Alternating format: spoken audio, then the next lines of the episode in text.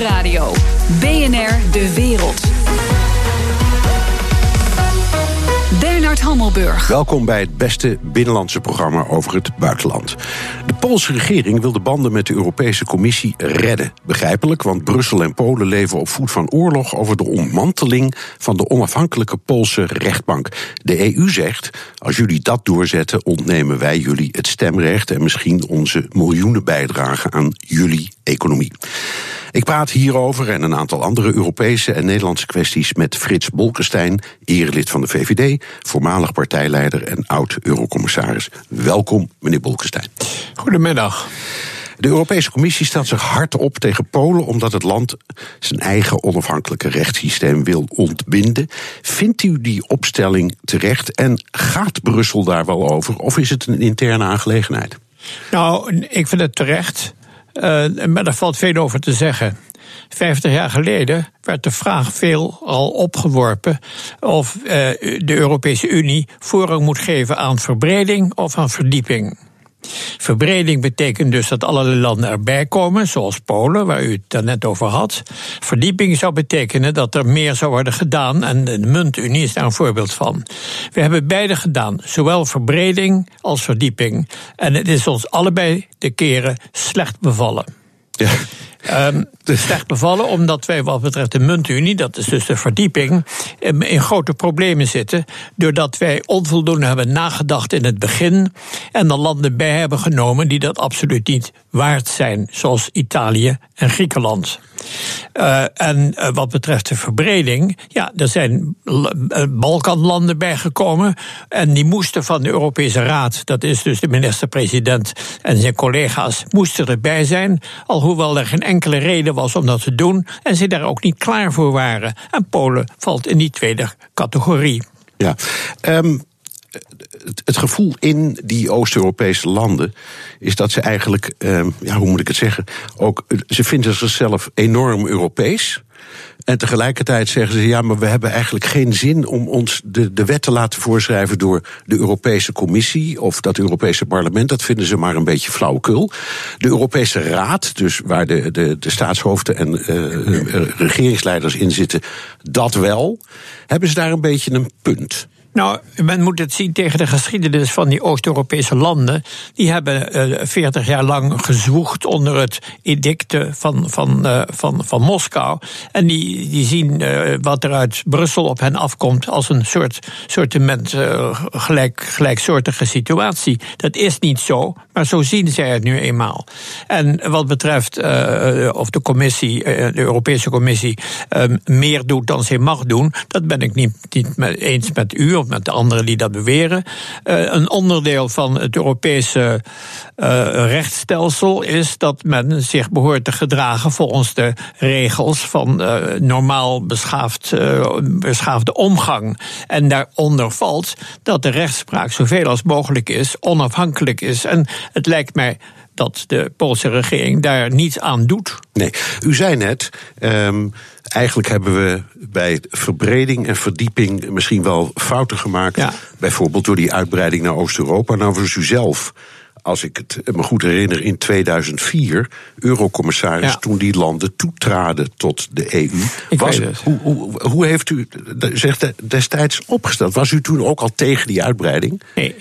Nee, ik moet uh, eerlijkheidshalve zeggen dat ik uh, in de tijd dat ik in de Europese Commissie zat, dat ik in het jaar, het eerste, de eerste helft van 2004, alle toetredende landen heb bezocht om te zien eh, wat ze deden en wat ze niet deden. En ik ben dus ook in Warschau geweest. Dat was overigens een tamelijk onplezierig bezoek, omdat ik werd beschuldigd van meedoen aan uh, de, de, de Jalta-conferentie die, uh, de, die, die, die de Russen een overwegende invloedssfeer gaf, uh, waar Polen dan, dan bij hoorde. Dus er was een soort Stalin die het opnieuw ging verdelen. Ja, nou ja. ja. dat klinkt erg bars, maar dat was geen het was geen aangenaam bezoek. Maar hoe dan ook, ik, ik heb die, die uh, acht landen, twee eilanden bezocht. En ik heb me niet verzet tegen hun lidmaatschap van de Europese Unie. Dat is absoluut waar. Wel later tegen lidmaatschap van, ook van andere landen van de muntunie. Uh, maar dat geldt voor Italië en dus ook voor Griekenland. Dus uh, er zijn verschillende zaken. Er is lidmaatschap van de Unie en er is lidmaatschap van de, van de muntunie. Ja, goed. Maar u zegt achteraf had u misschien wat harder u moeten opstellen tegen die uitbreiding. Ja, maar, maar dat lag niet in de handen van de commissie, want het is de Europese Raad. Dus nogmaals. Ja, maar daar heb je het weer. Dat is precies wat, uh, wat bijvoorbeeld Orban van uh, Hongarije zegt. Ja. Dus als puntje bij paaltje komt, dan is het de Raad die beslist. Ja. Dus wat heb je aan die commissie? Ja, nou ja. hij zal dat zeggen omdat hij, omdat hij natuurlijk lik op stuk krijgt van de commissie. En terecht. Ja. Ik, bedoel, ik ken Orban redelijk goed. Ik heb hem twee keer uitvoerig geïnterviewd. En hij kent mij ook natuurlijk minder nu dan, dan toen. Hij was toen, zat toen in de oppositie. Um, en uh, ik heb altijd geweten, Orbán, als die, uh, als hij op het zadel komt te zitten, dan, dan, uh, dan doet hij niet wat de commissie wil. Dan doet, gaat hij zijn eigen kant. Nou, dat heeft hij gedaan. een van de uh, twistpunten is uh, de kwestie van vluchtelingen en migranten. Ja. En één argument, bijvoorbeeld van Orbán, is: wij willen niet wat hij dan noemt een parallele samenleving. Zoals in ja. West-Europa, ja. met aparte wijken of achterstandswijken of alleen maar vreemdelingen. Wat dat onttakelt onze samenleving. Zeggen ze daarmee hetzelfde als wat u zelf in de jaren negentig zei? Nou, in ieder geval met andere woorden. En terugkomend op Orbán, uh, hij heeft nu een hek dat zijn land scheidt van Servië. Uh, en iedereen zegt dat dat een slecht idee is. Maar iedereen zegt ook dat de buitengrenzen van de Europese Unie beter moeten worden bewaakt. Wel nu, dat doet Orbán. Dus we moeten wel weten wat we zeggen als wij, als wij hem bekritiseren. Ja, maar goed, u hebt toch redelijke faam, zullen we maar zeggen, bereikt in de jaren negentig. Ik geloof dat u de eerste was die het woord allochtoon uit de, uit de stofkast heeft gehaald. Het bestond wel, maar dat werd daarvoor niet gebruikt. Oh, dat kan ik en dat is, toch, dat is toch eigenlijk een beetje waar die Oost-Europeanen het ook over hebben. Wij willen geen allochtonen, want we zien aan jullie West-Europeanen ja. wat voor vreselijke gevolgen dat heeft. Nou ja, dat is misschien te sterk uitgedrukt, maar het is wel waar dat de integratie van, uh, van mensen die van buiten komen, dat die nog alles behalve gelukt is.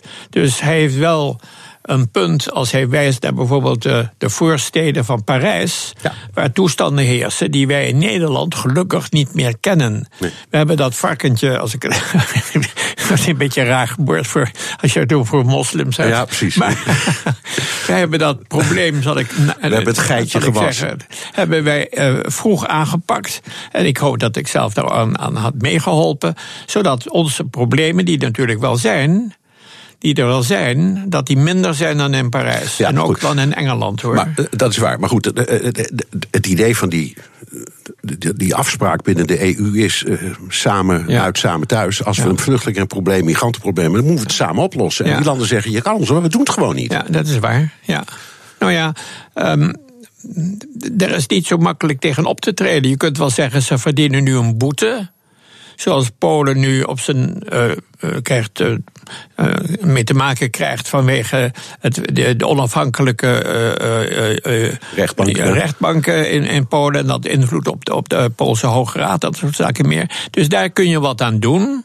En dat doet Andriessen, die is dus de tweede man van de commissie, die doet dat ook. Timmermans. Uh, Timmermans, ja. neem me niet kwalijk. Timmermans, die doet dat ook. Dat is heel goed dat hij dat doet. Maar um, landen dwingen om mensen op te nemen, vluchtelingen op te treden, op te nemen. Ik zie niet hoe dat zou moeten. Als zij niet willen, dan denk ik dat wij dat toch met betrekkelijk lege handen staan. Zo dadelijk. Uiteindelijk wordt het EU-beleid bepaald door Frankrijk en Duitsland. Moet Nederland zich hier zorgen over maken en hoe moet Nederland zich eigenlijk opstellen? BNR Nieuwsradio. BNR De Wereld. Mijn gast Frits Bolkestein, erelid van de VVD, voormalig partijleider en oud-eurocommissaris. Meneer Bolkestein, we hadden het net over de, de frictie tussen Brussel en de Europe Oost-Europese landen. Laten we even kijken naar iets anders wat je in die landen ziet. Een land als Hongarije, daar gaat de afkeer tegen de EU met ja, samen met xenofobie, antisemitisme. Uh, daar krijgen pro-Europese en Joodse uh, invloedrijke mensen, zoals George Soros, de schuld van alles wat de regering niet zint. U hebt in het verleden uh, wel eens gewaarschuwd, ook hier in Nederland, bijvoorbeeld orthodoxe Joden. Daarvan hebt u gezegd, mijn advies is, eigenlijk moet je, kun je beter weg. Zijn de Joden ook in Nederland de zondebok en in gevaar? Nee. Uh, antisemitisme bestaat overal en zeker ook in Nederland, maar veel minder dan bijvoorbeeld in Hongarije, waar, waar we het er net over hadden.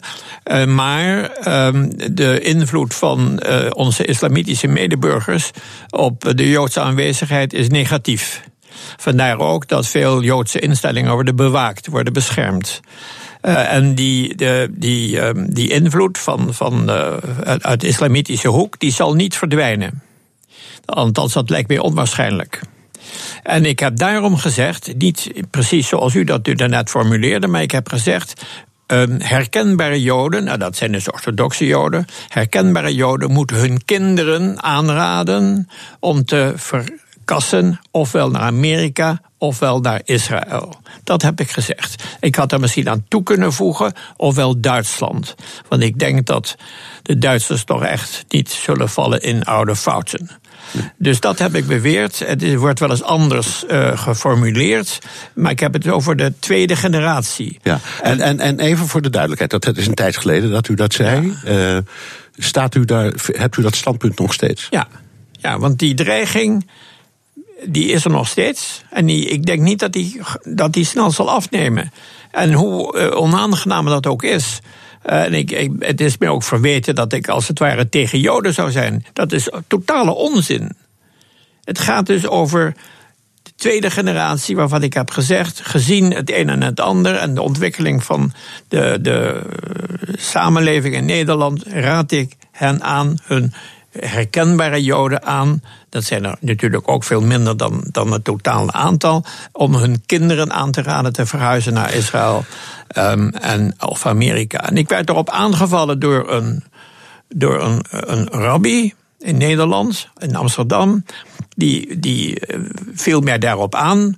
Uh, en uh, wat blijkt, zijn kinderen zijn bezig te verhuizen naar Israël. Dus uh, ik, ik ben, Die hebben wel geluisterd. Ja. laten we even praten over de nieuwe rechtse partijen. De PVV, het Forum van Democratie. Ja. daar in, in beide partijen klinkt een sterke afkeer van de Europese Unie.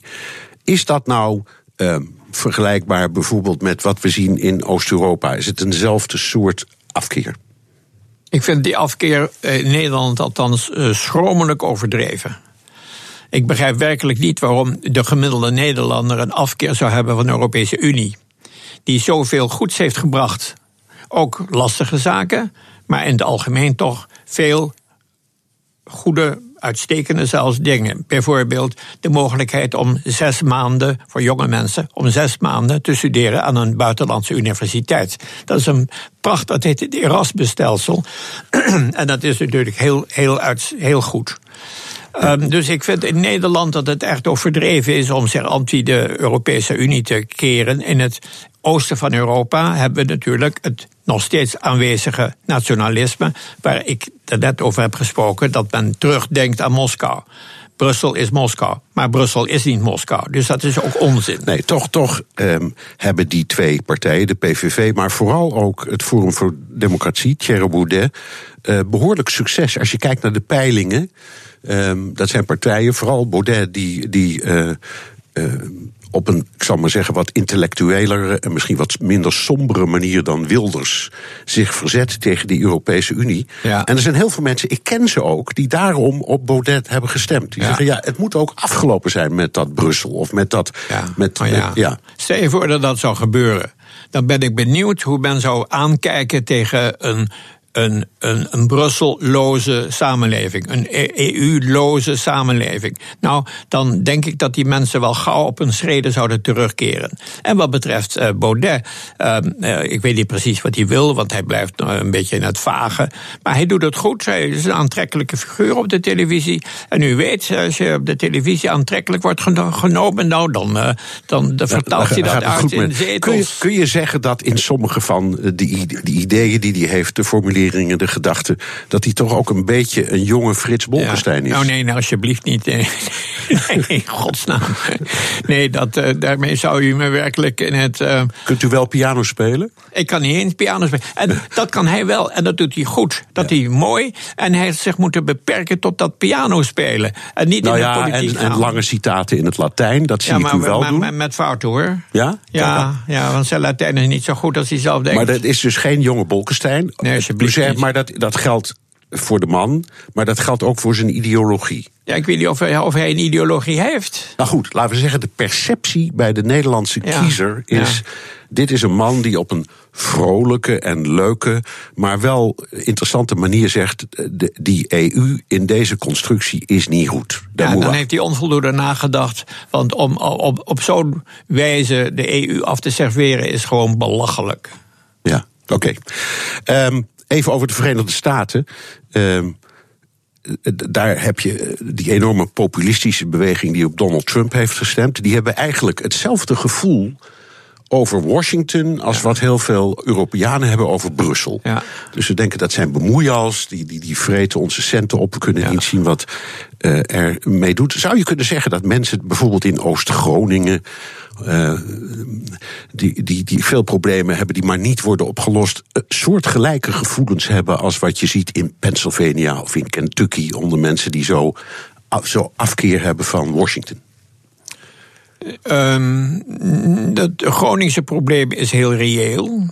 En het is terecht dat de Groningers eh, klagen over het feit dat hun problemen onvoldoende zijn aangepakt. En minister Wiebes die is dat met hen eens. En Ja, die- goed, maar dat gaat dan over het gas. Maar ik praat Ja, meer over dat- een soort structurele economische achterstand. Niemand ziet ze ooit. Oost-Groningen is een probleem dat eigenlijk altijd maar weer wordt overgeslagen. Nou ja, eh, de, de regering kan moeilijk verantwoordelijk worden gehouden voor het feit dat Oost-Groningen in een uithoek van ons land ligt. Ja. Ik bedoel, de, de aardrijkskunde is, eh, is, is misschien hard, maar, maar onvermijdelijk. Dus dat kunnen we toch moeilijk de mensen Den Haag eh, op het, op het vestje spugen. Ja.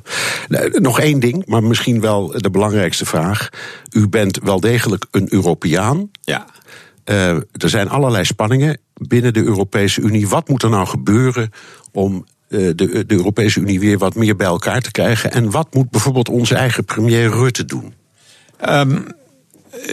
Wat, wat, wat de, de verschillende landen behorend tot de Europese Unie moeten doen, is, is, is eh, doen wat, waar, zij toe gehouden zijn, wat, hun, wat de afspraken zijn. De afspraken in de Europese Unie worden onvoldoende nagekomen. Nederland is wat dat betreft een gunstige uitzondering. Maar ehm, begin nou, die Fransen die maken nu veel lawaai. Macron die wil het ene en het andere. Maar laat die nou eens eerst zorgen dat zijn eigen begroting op orde komt. Met andere woorden, dat zijn, zijn, zijn, zijn tekort niet groter is dan die 3%. Laat die daar nou eens mee beginnen. En voor de rest zien we wel hoe dat verder loopt. Ja, en dan ook in de spanningen tussen bijvoorbeeld het oostelijk en het westelijk deel Ja. van de Europese Unie. Ja. Is dat naar uw idee toch ook voor een heel belangrijk deel een kwestie van het op orde brengen van de economieën? Ten dele, en daarvoor worden ze ook grof betaald. Maar het is ook een gevolg van de geschiedenis. En u kunt Brussel veel verwijten, maar niet dat het verantwoordelijk is. nog voor de aardrijkskunde in Oost-Groningen. nog voor de geschiedenis in Oost-Europa. Dank Frits Bolkestein, erelid van de VVD, voormalig partijleider en oud-eurocommissaris. Geen dank. The Donald Show. Tijd voor de United States of Trump met Amerika-correspondent Jan Postma. Jan, Trump stuurde vanochtend een tweet over de muur. De muur, ja. En dat eh, komt door zijn stafchef, maar daarover zo meer. Die tweet van Trump. eh, hij tweette: De muur is de muur. Het concept is altijd hetzelfde gebleven. En de eerste dag dat ik, als, als de eerste dag dat ik bedacht. Sommige delen zullen noodgedwongen doorzichtig zijn. En het was nooit de bedoeling dat er een muur zou komen op plekken waar natuurlijke bescherming is. Zoals bergen of water. En toen puntje, puntje, puntje. Nou, toen ging je nog even door. Toen kwam er een tweede en een derde tweet. Eh, de muur zal betaald worden door Mexico. Nog wat dingen over NAFTA. Ja, het is een soort tweetstormpje over die muur geworden. Ja, en die tweet die, die, van Trump die werd dan weer veroorzaakt door zijn eigen stafchef, eh, John Kelly. Die had gesproken met een aantal Latino-vertegenwoordigers. ja, congresleden inderdaad. Ja, ja. En, en, ja, en toen zei hij iets en dat kwam op de voorpagina van de New York Times. Nou, dan weet je, als Donald Trump wakker wordt, dat is een krant die hij toch ook leest. en toen kwam die tweet dus. tegen die congresleden zei Kelly dat, dat president Trump niet echt goed geïnformeerd was over de, de details rond die muur. Dat bevestigt ook deze democraat uit Arizona. He said the president of the United States was uninformed. Is that right? Yes, from what I remember, he discussed how the president was uninformed at the length uh, and where the wall should go, uh, and also said, "Well, uh, paraphrasing, well, as you know, you sometimes makes you sometimes make campaign promises uh, that uh, when you when it comes to reality are very difficult to keep." Ja, een uh, kandidaat is wat anders dan een president, uh, zou Kelly dan gezegd hebben. En hij zegt ook dat, uh, ja, dat de president nu bijgepraat is door Kelly. En dat Trumps mening nu evolved zou zijn, dus verder ontwikkeld. en de president zou nu ook iets vrijer denken over hoe zo'n muur eruit moet zien. Maar goed, dan kwamen dus die tweets eroverheen waaruit precies het tegenovergestelde ja, bleek. Nou, nou is Kelly van karakter iemand die uh, niet op de voorgrond treedt. Het is zijn taak om de wanorde in dat Witte Huis weer een beetje te herstellen. Ja, ja. Neemt hij nou met deze hele kwestie een risico, Kelly? Ja, dat doet hij zeker. Uh, je ziet ook in de reacties nu uh, van hij doet een Steve Bannon. nou, het lijkt inderdaad op wat Steve Bannon in het verleden ook deed... en waar hij echt ruzie met Trump over heeft gehad. op de voorgrond grond treden en eigenlijk zeggen dat jij degene bent die Trump influistert. En dat vindt Trump helemaal niet prettig, weten we uit het verleden. Dus Kelly neemt hier echt een risico mee. Maar hij heeft er ook een reden voor. Want hij is ondertussen bezig met immigratiehervormingen. En probeert daar democraten en republikeinen eh, bij elkaar te brengen. Dus hij heeft achter de schermen geprobeerd om, uh, ja, om dat voor elkaar te krijgen. Om die democraten ook een beetje in zijn kamp te krijgen. Uh, maar Trump heeft dat allemaal in één keer ja, weer niet gedaan eigenlijk. Ja, het is een soort van, ik zou maar zeggen, repeterende breuk. Dat je steeds maar ziet dat een bewindsman iets zegt en dat Trump het dan tegenspreekt of andersom. Er wordt beleid geformuleerd over, laten we zeggen, de NAVO. En dan roept minister Tillerson van Buitenlandse Zaken... ja, nee, nee, nee, nee, zo zit het helemaal niet. Nee, inderdaad. Ja. Uh, en nu weer. Nu spreekt Tillerson Trump weer tegen. Ja, klopt. Uh, Tillerson die heeft gezegd uh, dat de VS nog lang in Syrië moet blijven om IS daar te blijven bevechten. Want Tillerson zegt van nou ja, als we daar weggaan, dat is natuurlijk het moment dat zij weer opkomen. En hij zegt ook, dat is wel opvallend, hij hoopt Assad weg te krijgen met hulp van de VN. Dan moet er een soort verkiezingen daar komen, of gewoon verkiezingen daar komen, onder leiding van de VN. En dat is natuurlijk ook heel ver af van wat Trump tijdens de campagne heeft gezegd, waarin hij veel isolationistischer was. En waarin hij zei: uh, America first, onze belangen gaan voor. Dat hoor je hier helemaal niet in terug. Uh, het zou wel eens kunnen zijn, dit is speculeren hoor, maar dat Tillerson nu ook even zijn moment pakt. Hij weet natuurlijk dat die Steve Bannon, die andere Trump-fluisteraar, dat hij uit het Witte Huis is. En dat er eigenlijk van die populistische kant op dit moment niet zoveel over is. Dus misschien dat dit het moment is dat Tillerson het ook durft. Uh, nog een opvallend detail hierbij trouwens. Tillerson die leest de tweets van Trump, maar hij laat ze uitprinten. Dat Zo. is ook wel weer mooi. Hij zit zelf niet op Twitter. Uh, maar het werkt op deze manier. En hij zegt, dat vind ik ook wel mooi, door de snelheid van Twitter krijg ik ook meteen alle reacties erbij. Maar ja, dat printen dat duurt soms wel een uur. Dus hij krijgt dan de tweet van Trump, wat reacties. En dan heeft hij ook gelijk zijn eigen gedachten uh, op orde. En dit is eigenlijk de Trump-methode, want die laat artikelen van internet ook helemaal uitprinten. Dankjewel, Amerika-correspondent Jan Postma. BNR Nieuwsradio. BNR De Wereld. Het Duitse coalitieakkoord dat klaar ligt mag dan beginnen met drie volle pagina's over Europa. Maar één woord staat er niet in: de bankenunie. En daar is de net afgezwaaide voorzitter van de Eurogroep en oud-minister van Financiën, Jeroen Dijsselbloem, toch behoorlijk teleurgesteld over. Europa-verslaggever Jesse Pinster, waarom is Dijsselbloem hier zo ontstemd over? Omdat hij vindt dat de bankenunie zeg maar, cruciaal is om ervoor te zorgen dat Europa niet weer in een crisis uh, gestort wordt. Die bankenunie die eigenlijk moet regelen dat financiële instellingen niet meer hele landen mee kunnen trekken en uh, in, een, in een gat kunnen storten. Uh, Dijsselbloem maakte dit gisteren duidelijk toen hij in uh, Leiden een, een Europa-lezing gaf, daar op de universiteit. Nou, hij is net vorige week afgezwaaid als Eurogroepvoorzitter, dus het is toch altijd aardig. Dan kan hij wat uh, vrijer praten daarover. Maar dit was dus een punt wat hij daar maakte. Een Duits coalitieakkoord, heel veel woorden over Europa, maar bankenunie staat er niet in. Nou moeten we natuurlijk nog even afwachten of die coalitie er werkelijk komt. Dat hangt allemaal weer van de SPD af en de partij af die uh, aankomende zondag. En waarom staat dat voorlopige, in dat voorlopige coalitieakkoord die bankenunie niet genoemd?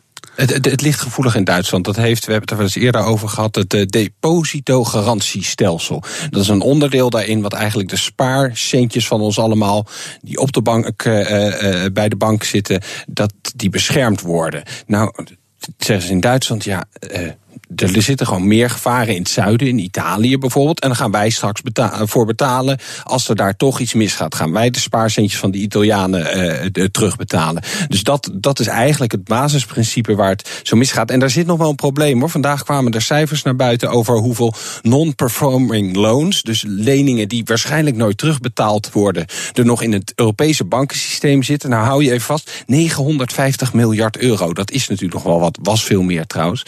Um, dit speelt ook in Nederland net zo hoor. Want CDA-Kamerlid Omtzigt die, die zei bijvoorbeeld dit daarover eerder vandaag. Waarom wil GroenLinks een brandverzekering afsluiten met een collega wiens huis in brand staat? Ja, nou, ik sprak gisteren Dijsselbloem daar dus over. Die zegt, ja, het is eigenlijk niet helemaal terecht. Want we zorgen dat al dat geld waarmee die spaarcenten beschermd worden... gewoon betaald worden door de banken. Dus het zijn niet de belastingbetalers die dat neerleggen.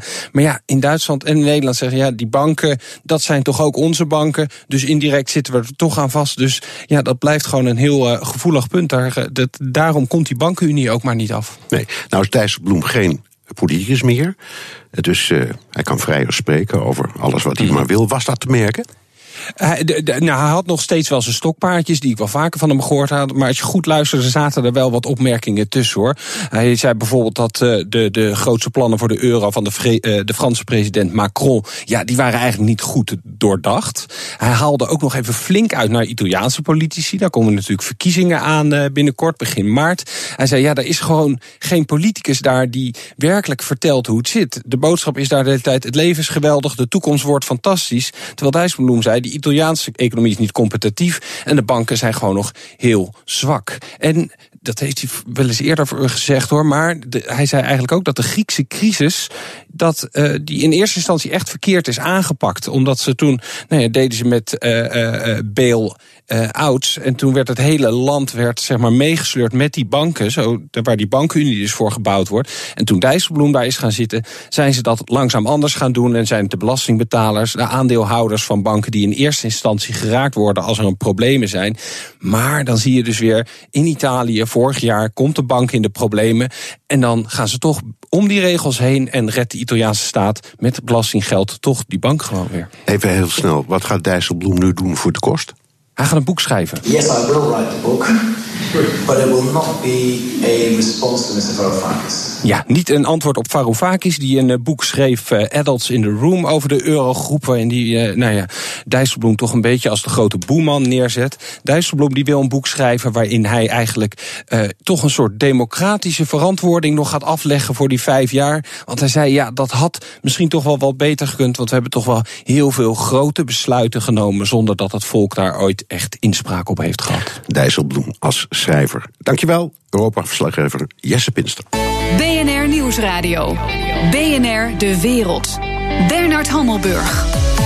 Tijd voor de kwestie. Vandaag over het conflict in Syrië. Een nieuw Amerikaans plan voor een grensleger in Noord-Syrië heeft tot slaande ruzie met de Turken geleid. Wat is het nut van zo'n grensleger en wie heeft er gelijk?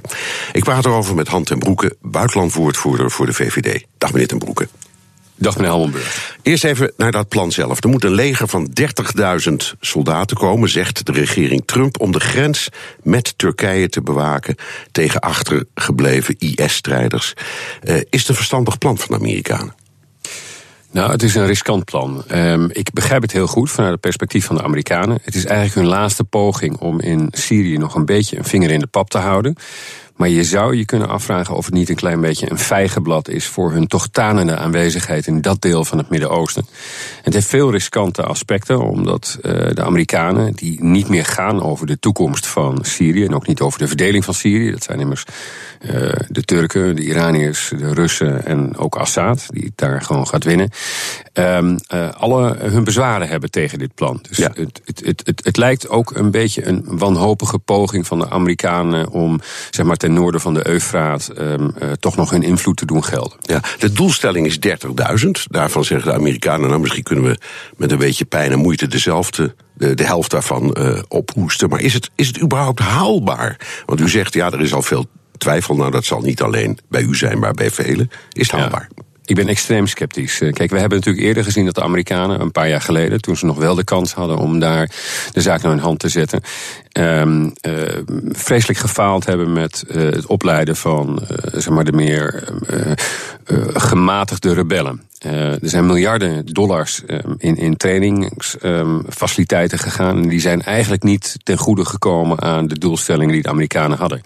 Ik geloof dat er op dit moment ook maar 350 van die SDF, want dat is het leger wat dan nu moet worden omgesmeed naar een, een politiemacht. En, en die politiemacht, of die SDF, die dan uh, bijvoorbeeld in Raqqa uh, en Mansbi um, uh, heeft, hebben bevrijd, die worden gedomineerd door, door de Koerden. En die worden vervolgens natuurlijk door um, Turkije gezien als een bedreiging, sterker nog, als een terreurleger, waarvan zij niet willen accepteren dat dat aan hun grens gestationeerd wordt. en mogelijk zelfs zou kunnen leiden tot datgene wat ze in het noorden van Irak ook al hebben zien ontstaan, namelijk een semi-autonome Koerdische provincie. Ja, we praten dan over wat dan wordt genoemd de, de IPG.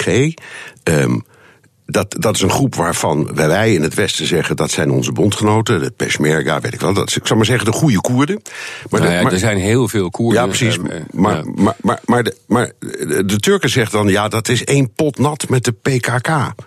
Ja, dat, is, dat is niet juist. Dat is, dat is natuurlijk dat is, dat is de Turkse retoriek. Uh, Turkije heeft wat dat betreft natuurlijk um, uh, sinds, sinds de, de, de, uh, zeg maar de, de poging tot het omwerpen van de um, Turkse regering zien zij alle Koerden. Dat, dat was al voor een heel groot gedeelte, maar nu zien ze echt alle Koerden als hun vijand. En ze zijn ook allemaal, ter, zijn allemaal terroristen.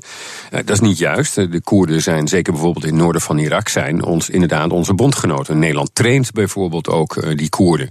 Maar dat zijn hele andere Koerden dan bijvoorbeeld de YPG-Koerden, die de bulk van het, um, het, het bevrijdingsleger, de Syrian Democratic Forces, in het noorden van Syrië uitmaken. Um, sterker nog, je hebt zelfs Koerdische groepen die elkaar weer naar het leven staan. Het is een spaghetti, denk ik, voor de meeste luisteraars die dit nu meekrijgen.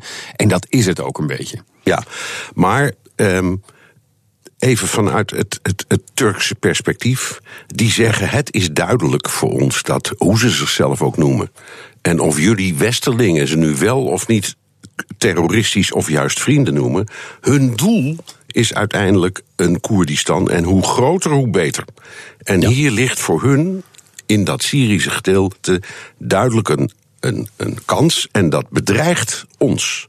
Ja, en daar, daar hebben ze toch daar hebben ze gewoon een punt, denk ik dan. Vanuit de, vanuit de Turkse uh, perspectief is dat zo. Als je, zelfs als je de retoriek ervan afhaalt, um, gevaarlijke en gezwollen retoriek, uh, die helaas de Turken ook nog wel eens kracht bijzetten, want ze draaien hun hand er niet voor om, om ook in hun eigen land drie Koerdische provincies in het zuiden, om die te bombarderen waar dat nodig is, um, moet je ervan uitgaan dat ze dat in de nu dan noordelijke gebieden, die, waar mogelijk die politiemacht gestationeerd of opgeleid gaat worden, dat ze dat ook zullen doen. Een, een, plaatsje als Afrin bijvoorbeeld, dat ligt ten noorden van Aleppo.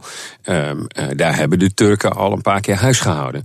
Um, uh, vanuit hun perspectief is dat ook voorstelbaar, want zij zien daarmee een, vijandige, um, een vijandig gebied aan hun zuidgrens ontstaan.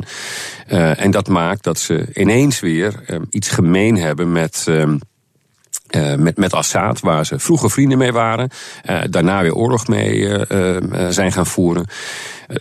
De Koerden zijn eigenlijk de minst geliefde groep in het Midden-Oosten. En, en, en, dat maakt dat ze heel makkelijk weer oude tegenstanders weer tot, tot vrienden en tot, tot coalities kan Ja, en, en, het is voor de Turken een soort geconditioneerde reflex. Als de indruk ontstaat dat in Noord-Irak en in Syrië en in hun eigen land ja. en in Iran die, die, die Koerden ietsje meer hoe dan ook te zeggen krijgen, dan gaan alle licht op rood. Dan gaan alle lichten op rood. En um, kijk, die politiemacht, wat moet die gaan doen? En nogmaals, ik ben erg sceptisch over of ze die aantallen überhaupt kunnen bereiken. Ik geloof dat er nog maar 350 mensen zijn opgeleid. Um, die moeten een aantal toevoerroutes, niet alleen tussen Irak en Syrië, dat zijn vooral smokkelroutes, maar ook um, uh, en, de, de, de toegangswegen tot dat deel van, uh, van, van Syrië moeten die bewaken. De Turken hebben die toegangswegen zelf ook gebruikt om in het verleden de toestroom van jihadistische strijders oogluikend toe te staan. En om het nog eens gecompliceerder te maken, in dat deel van Syrië zitten ook olie- en gasvoorraden. Ja, zo dadelijk. Zien we door deze nieuwe ruzie een verdere onttakeling van de relatie tussen NAVO-partners Amerika en Turkije? BNR Nieuwsradio. BNR De Wereld. Mijn gast, Han ten Broeke, buitenlandwoordvoerder van de VVD. Uh, meneer ten Broeke, we hadden het net over die Amerikaanse plannen voor een grensleger. Nou, even de relatie tussen uh, deze twee uh, ja, toch belangrijke landen. Amerika is het grootste NAVO-land, Turkije het op één na grootste. Um, zie je hier een soort van enorm conflict ontstaan tussen deze toch voor, ook voor ons als andere NAVO-landen, hele belangrijke partners. Ja, ik ben daar heel bang voor. En uh, ik vind ook dat dat ons allereerste belang moet zijn. Kijk, we hebben, en dat geldt helaas ook voor de Amerikanen, um, heel weinig nog te vertellen over de toekomst van Syrië. Uh, dat hebben we voor een deel ook zo laten ontstaan. De Turken hebben ons al eerder in een situatie gebracht, ongeveer een jaar geleden, um, dat ze als NAVO-lidstaat, als NAVO bondgenoot, probeerden te verleiden om in het noorden van Syrië in ieder geval hun militaire operaties uh, goed te keuren of zelfs te steunen. Heeft de NAVO destijds duidelijk afgewezen.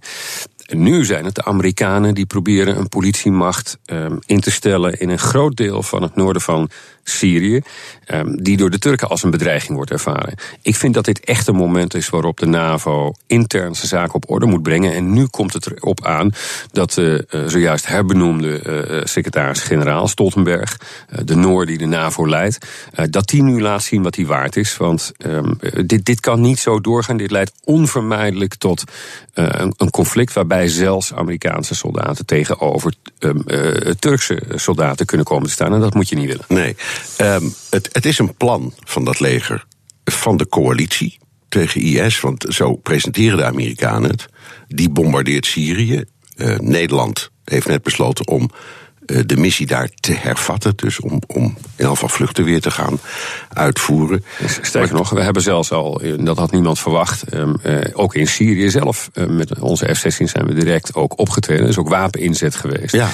Ja. Nee, maar ik, ik wou zeggen, daar is toen enorm gesoebat over ja. de vraag wat voor mandaat je daarvoor nodig hebt. Kan dat wel, kan dat niet? Is ja, daarom... Uiteindelijk zei toen uh, het kabinet en het Nederlandse parlement, ja, dat is er wel. Uh, maar mm -hmm. dit gaat een stap verder, want als je een leger opzet in een soeverein land zonder toestemming, heb je daar niets, als je het wil, zouden de Amerikanen niet gewoon keurig naar de Veiligheidsraad moeten stappen?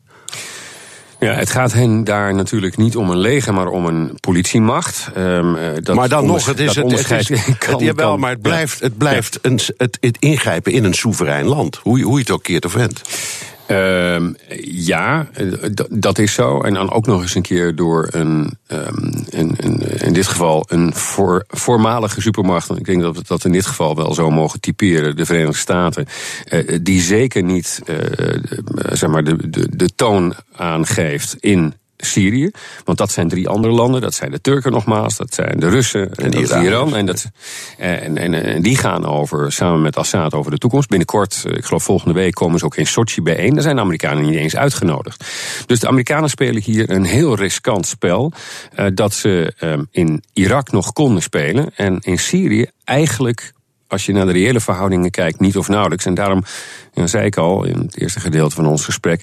Um, het, het, lijkt ook een beetje op een vijgenblad uh, voor de Amerikaanse. Uh, uh, ja, afnemende invloed en aanwezigheid in dat deel van het Midden-Oosten. En, en hoe moet het, ik zal maar zeggen, toch altijd bedaarde Nederland daar nou mee omgaan? Moeten wij wij moeten tegen, aandringen moeten we tegen, de, tegen de Amerikanen zeggen ja. via de achterdeur of openlijk van jongens, dit is misschien niet het handigste plan waar jullie ooit mee zijn gekomen? Nou, kijk, eh, de, de bedreiging die van dit plan uitgaat, um, mogelijk, uh, en die voorstelbaar is. Uh, het is maar net hoe je daarmee omgaat. Kijk, als de Turken aankondigen dat ze, dat ze zeg maar, luchtaanvallen willen gaan uitvoeren, dan vind ik dat ook de Turken moeten worden aangesproken. Daarom zeg ik, wat we er nu aan moeten doen, alle zeg maar, oude eh, oprichtende NAVO-lidstaten, waar Nederland er één van is, eh, die ook in het verleden hebben bewezen op NAVO, eh, binnen de NAVO in solidariteit te willen tonen. Denk even terug aan de Patriots die we ooit hadden gestationeerd. Aan de, ook, in, ook in Turkije? ja. Ook in Turkije. Turkije doet dat nu zelf overigens. Ehm, die moeten er nu op aandringen dat dit niet uitgroeit tot een conflict dat de NAVO zelf gaat splijten. Dus nu moet Stoltenberg laten zien wat hij waard is. En Nederland, moet, en Nederland moet ook tegen Stoltenberg zeggen: wil je alsjeblieft sussen? Ik denk dat de enige, um, het enige pad is om binnen de NAVO ervoor te zorgen dat dit niet leidt tot een verdere um, uit. Ja, nou, nou, nog een ander, nou nog een ander aspect. Um, Turkije heeft net uh, voor, uh, ik geloof, 2,5 miljard euro Russische S-400 raketten mm -hmm. besteld de op één na grootste NAVO-partner koopt hele belangrijke wapens. Ja, is in, in hoge mate weggegooid geld. Want um, uh, Turken zullen dat nooit kunnen integreren in het NAVO-systeem waarvan ze nog steeds afhankelijk zijn. Uh, ze kunnen niet zomaar een hele uh, luchtverdediging omzetten naar zeg maar Russische makelij. Andere knopjes en draadjes. Zo is het. Ja. Um, ze zullen ook uitgesloten worden van. Kijk, al die systemen uh, werken met zeer geavanceerde uh, ICT-systemen die daaronder zitten. Um, uh, dat zijn NAVO-beheerde systemen, eigenlijk ook Amerikaans beheerde systemen. Ja, daar krijg je geen toegang toe. Ik, ik, nee, ik was nee, zelf maar, heb ik. Ja. ja. Nee, maar sorry, het, dat begrijp ja. ik. Het, u zegt het is, het is gewoon stom en dat kan helemaal niet. Maar het gaat mij meer om het politieke gebaar. De, Rus, de, de Turken zeggen tegen de NAVO. En ze zijn ze als één na grootste NAVO. Wij gaan wapens kopen in Rusland. En dan, dan denk ik gesteld dat Nederland niet voor de JSF, de F-35 koos, maar voor de Russische Sukhoi S-57. Dat ding is ongeveer net zo goed. Wat zou er dan allemaal wel niet gebeurd zijn? Dat, dat ding is zeker niet net zo goed. Dat ben ik met u oneens. Maar daar kunnen we een ander programma misschien een keer op terugkomen. Ja. Nou ja, maar um, u begrijpt wat ik bedoel. Als ik begrijp als... zeker wat u bedoelt. Ja. We hebben daar ook uh, voortdurend aandacht voor gevraagd dat het, dat het natuurlijk niet kan. Daar is Turkije ook gelukkig op aangesproken, ook in, in, in NAVO-verband. Ze hebben die aankoop, lijken ze nu toch door te zetten. Um, uh, Erdogan heeft een paar jaar geleden ook al eens gedreigd om spullen van Chinese makelij te kopen. Ook dat zou weggegooid geld zijn geweest. Maar het geeft wel aan dat hij op zoek is naar mogelijkheden om zich uit het ja, soms wat knellende corset van de NAVO um, uh, weg te bewegen. Maar het vervelende van de Turken is dat ze. Als er nou één land is wat de afgelopen vijf tot zes jaar de ene na de andere geopolitieke uh, mistaxatie heeft gemaakt, dan zijn het de Turken wel. En dit is er ook weer zo een. Ja, um, u zei de herbenoemde secretaris-generaal die heeft de taak om te sussen en, ja. en welwillende uh, oerleden zoals Nederland moeten hem daarbij steunen. Ja. Hoe, hoe, hoe, hoe, moet hij het aanpakken? Hoe krijgt hij die Turken weer een beetje in het gereel? Want je moet ze dan ook altijd iets voorhouden of iets toezeggen. Ja, het, uh, met Turken onderhandelen is denk ik het allermoeilijkste wat er is. Uh, ze hebben, dat is sowieso in het Midden-Oosten is onderhandelen natuurlijk gaat volgens de logica van de bazaar. Um, en de Turken zijn geslepen onderhandelaars en zetten altijd heel hoog in. Um, uh, we hebben dat zelf net gezien. Hè. We proberen al een half jaar lang de relaties met de Turken in ieder geval weer uh, op niveau te herstellen, zodanig dat er weer een gesprek mogelijk is. Uh, ik vind dat Nederland dat tot nu toe heel adequaat doet. Um, ook, ook erg slim wat de Nederlandse premier door, door zelf aan te geven dat hij niet langer excuses eist van de Turken, neutraliseerde die de eis van de Turken. En ondertussen blijft staan dat wij vorig jaar gewoon een Turkse minister toegang tot het land hebben ontzegd en een ander eruit ja, gesmeten. Maar goed, Nederland zegt duidelijk ja. zand erover. Het is niet aan ons direct om, nee. dit, uh, om, om dit te doen. En uh, zeker niet aan Nederland, zou ik zo willen zeggen. Daar hebben we de NAVO voor. En de NAVO moet nu gewoon uh, laten zien wat hij waard is. Dit, dit, dit, dit is typisch een interne NAVO-aangelegenheid. Daar hebben we een secretaris-generaal voor. Daar hebben we ja, onze gezamenlijke bijeenkomsten voor. Dus laten we zien wat eruit komt. Dank. Hand en Broeke, buitenlandwoordvoerder voor de VVD. Graag gedaan. BNR De Wereld. It's the economy, stupid. Waar het in de wereld uiteindelijk om gaat, is geld. Economiecommentator Paul Lasseur, wat is jou vandaag opgevallen? Ik las een geweldig leuk verhaal op Bloomberg over de wereldmarkt voor schapenwol. Want de wolprijzen die zijn vorig jaar met 30% gestegen naar een recordniveau. En dat komt door toegenomen vraag naar wol wereldwijd. En die komt enerzijds uit China, hè, omdat het daar nu zoveel beter gaat dan, dan vroeger. Dus mensen willen daar ja, kwaliteit en mooie, mooie spullen hebben. Dus daarbij hoort ook wollen kleding. Maar die vraag die komt ook van sportartikelenfabrikanten. Want het nieuwste sinds een paar jaar is uh, gebreide sportschoenen. Ik weet niet of je ze wel eens hebt gezien. Nee, ik heb ze, ja, ik heb ze wel eens gezien. En ook de theorie erachter. Omdat als het echt een goede wolsoort is en het is heel dun dan is het wat warmte en transpiratie en zo betreft... Beter dan, beter dan katoen. Ja, nee, en zelfs beter dan katoen. Dat ook. Ja. Nou ja, dus had een foto bij het artikel van Luis Suarez, niet de minste...